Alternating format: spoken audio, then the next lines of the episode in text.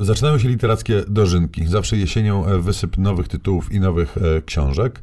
O nich będziemy mówić przez najbliższe e, miesiące, a wybraliśmy na październikowe nowości takie, mm, no takich pięć książek, które są chyba nieoczywiste i nie ma gwarancji, że Państwo o nich usłyszą w różnych innych mediach, więc chcieliśmy się upewnić, że usłyszą Państwo w tym. Choć pierwsza z nich jest takim potencjalnym bestsellerem, bo to książka pisarza znanego, Ferdinanda von Schiracha, który zabłysnął na literackiej scenie światowej, w tym polskiej, najpierw takimi tomami opowiadań kryminalno-prawniczo-sądowymi. Potem wszedł w powieści, a teraz dostarcza nam pierwszego dzieła teatralnego. To dramat pod tytułem Terror. Krótka rzecz, do przeczytania za jednym posiedzeniem, powiedzmy jakaś godzinka, półtorej, przeznaczona do wystawienia w teatrze, ale znakomicie się czytająca, bo to jest zapis procesu sądowego i sprawa jest w sumie prosta.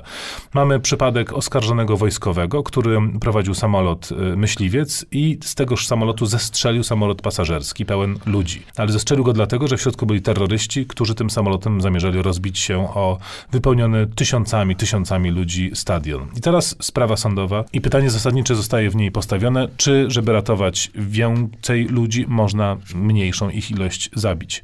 Znakomita rzecz, y, która y, każe nam spojrzeć, po pierwsze zmierzyć się z bardzo poważnym dylematem moralnym, nie nowym, ale jakby we współczesnych niestety dekoracjach y, podanym, a zarazem pokazuje nam bardzo ciekawe prawnicze y, elementy i prawnicze spojrzenia. W tekście mamy dwa zakończenia, bo w wersji teatralnej powinna publiczność głosować i decydować o winie bądź niewinności sprawcy.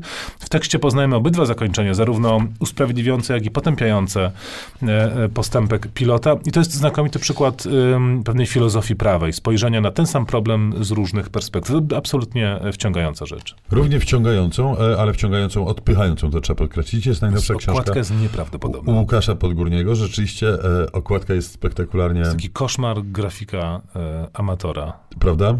Spektakularnie brzydka książka z e, bardzo mm, nietypową, e, dziwną treścią. Łukasz Podgórni jest cyberpoetą, e, mówiącym o sobie per cyberżul również czasami. Cyberpoeci i cyberżule mają to do siebie, że mm, są tak naprawdę poetami żulami, po prostu tylko e, uprawiają swoją aktywność w internecie i raz na jakiś czas ta aktywność literacka w tym wypadku przelewa się na e, papier. Mm, Wiersze pisane, wszystkie są dużymi literami napisane, jakby się caps lock wcisnął i nie odcisnął. I to są wiersze, które komentują rzeczywistość e, tylko i wyłącznie w sposób e, zabawny, ale czasami bezpardonowy przy użyciu słów, które tylko w internecie przystoi e, używać. Ja myślę, że ze wszystkich książeczek cyberpoetyckich, które padły w moje ręce, ta jest chyba najprzystępniejsza, więc jeżeli Państwo nie mieli do czynienia jeszcze z tym gatunkiem, to chyba od tej należy zacząć. Miłą wiadomością jest to, że jak to z cyberpoezją e, bywa, jest ona dostępna oczywiście w wersji drukowanej. Leży przed nami e, książka, którą można e, kupić. Ja Natomiast... zawsze leszczę, żeby. O, jest dowód, e, dowód dźwiękowy. Natomiast jest e, też do pobrania e, w sieci oczy, oczywiście, gdzie leży pomiędzy jedną a drugą stroną internetową. Proszę sobie odszukać i poczytać. Łukasz Podgórni, książka nosi tytuł Pamiętne statusy. A do nowości październikowych wrócimy po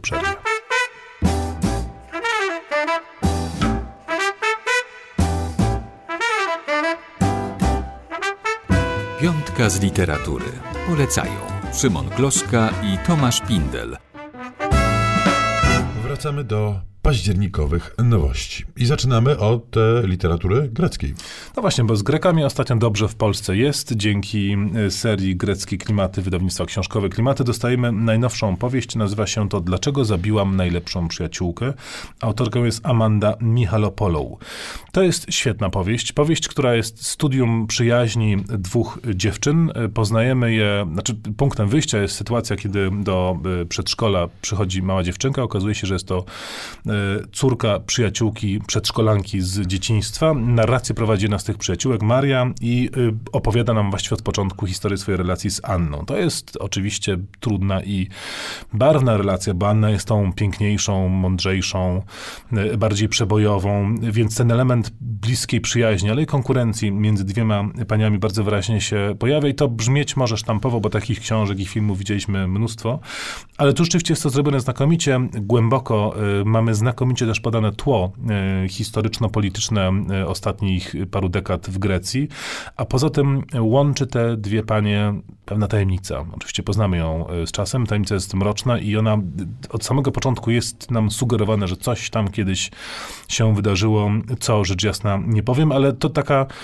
porządna, literacka, psychologicznie ciekawie zrobiona, ale właśnie z tłem obyczajowo-politycznym powieść grecka współczesna. No, czego chcieć więcej?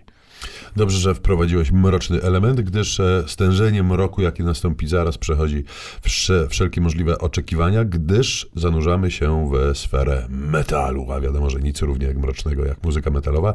Krzysztof Prosiaczek-Owedek właśnie narysował i napisał książkę graficzną, czyli komiks pod tytułem Będziesz smażyć się w piekle, która to książka jest biografią fikcyjnej kapeli metalowej, to jest takie, mm, e, no coś analogicznego do Spinal Tapu, chciałoby się e, powiedzieć, o, dowiadujemy się o losach młodego gitarzysty metalowego, który mieszka sobie gdzieś w Polsce, ma żonę, córeczkę i kota, który nazywa się Behemoth i jest wielkim fanem zespołu, który nazywa się Death Star i po przesłuchaniach zostaje gitarzystą tego zespołu. E, I e, coś, co miało być przygodą życia, natychmiast zmienia się w jakieś absolutnie koszmarne piekło za sprawą lidera, który jest despotycznym, obrzydliwym facetem i członkowie zespołu nie mają z tego, co robią, ani przyjemności, ani pieniędzy, ani satysfakcji satysfakcji, tylko puste kieszenie i zszargane nerwy. Smaczku e, dodaje tej publikacji e, rzecz taka, że jest to ponad wszelką wątpliwość historia opowiadana na podstawie mm, rzeczywistych wydarzeń i rzeczywistej kapeli metalowej. Pewnie ludzie znający się na metalu odkryją, o jaki zespół chodzi. Ci, którzy, tak jak ja, znają się umiarkowanie, odkrywać nie muszą, bo sama opowieść się wyśmienicie broni. No to może jeszcze jeden komiks, bo to ukazał się trzeci tom cyklu Dawny Komiks Polski, znakomitej serii prowadzonej przez Adama Ruska, wybitnego specjalistę w tych pierwocinach komiksu polskiego. Dostajemy w tym, y, w tym tomie trzecim trzy historie, dwie bardzo krótkie i trzecią y, pod tytułem Przygody Wicka były w raju najdłuższą. To są oczywiście takie komiksy w dawnym słowa tego znaczeniu, czyli mamy tam obrazki plus teksty na dole, y, prozatorskie bądź rymowane, tak jak Kociołek Matałek chociażby, czyli jeszcze nie jest to taki komiks gatunkowo czysty. To, co łączy te trzy historie, to ich wydźwięk. One wszystkie są opowieściami o y, Rosji sowieckiej, o wyprawach bohaterów do Związku Radzieckiego i okropnościach, które w tamtych y, rejonach na nich czekają. To ciekawe studium, e, poprzedzone bardzo porządnymi wstępami, to bardzo istotne, bo ten kontekst historyczny jest tu bardzo ważny. Czy można to czytać po prostu dla pewnej przyjemności takiej no, trącącej myszką, ale poznawczo jednak myślę, to jest bardzo ważne, żebyśmy zobaczyli, w jaki sposób w ewidentnie propagandowy sposób mówiono o Związku Radzieckim w przedwojennej Polsce. Adam Rusek zastrzega tam e, bardzo istotne kwestie, bo na przykład bardzo wyraźnie zobaczymy tam mocno antysemickie wątki, które rzecz jasna czytać trzeba e, e, z pewną ostrożnością i warto jednak się stanowić, czy podsuwamy dzieciom tę pozycję, bo to jest chyba jednak pozycja dla osób dorosłych i z pewną historyczną świadomością. I to były nasze październikowe nowości. Jednak dla dorosłych. Pozdrawiamy. Szymon Kloska. Tomasz Pindel.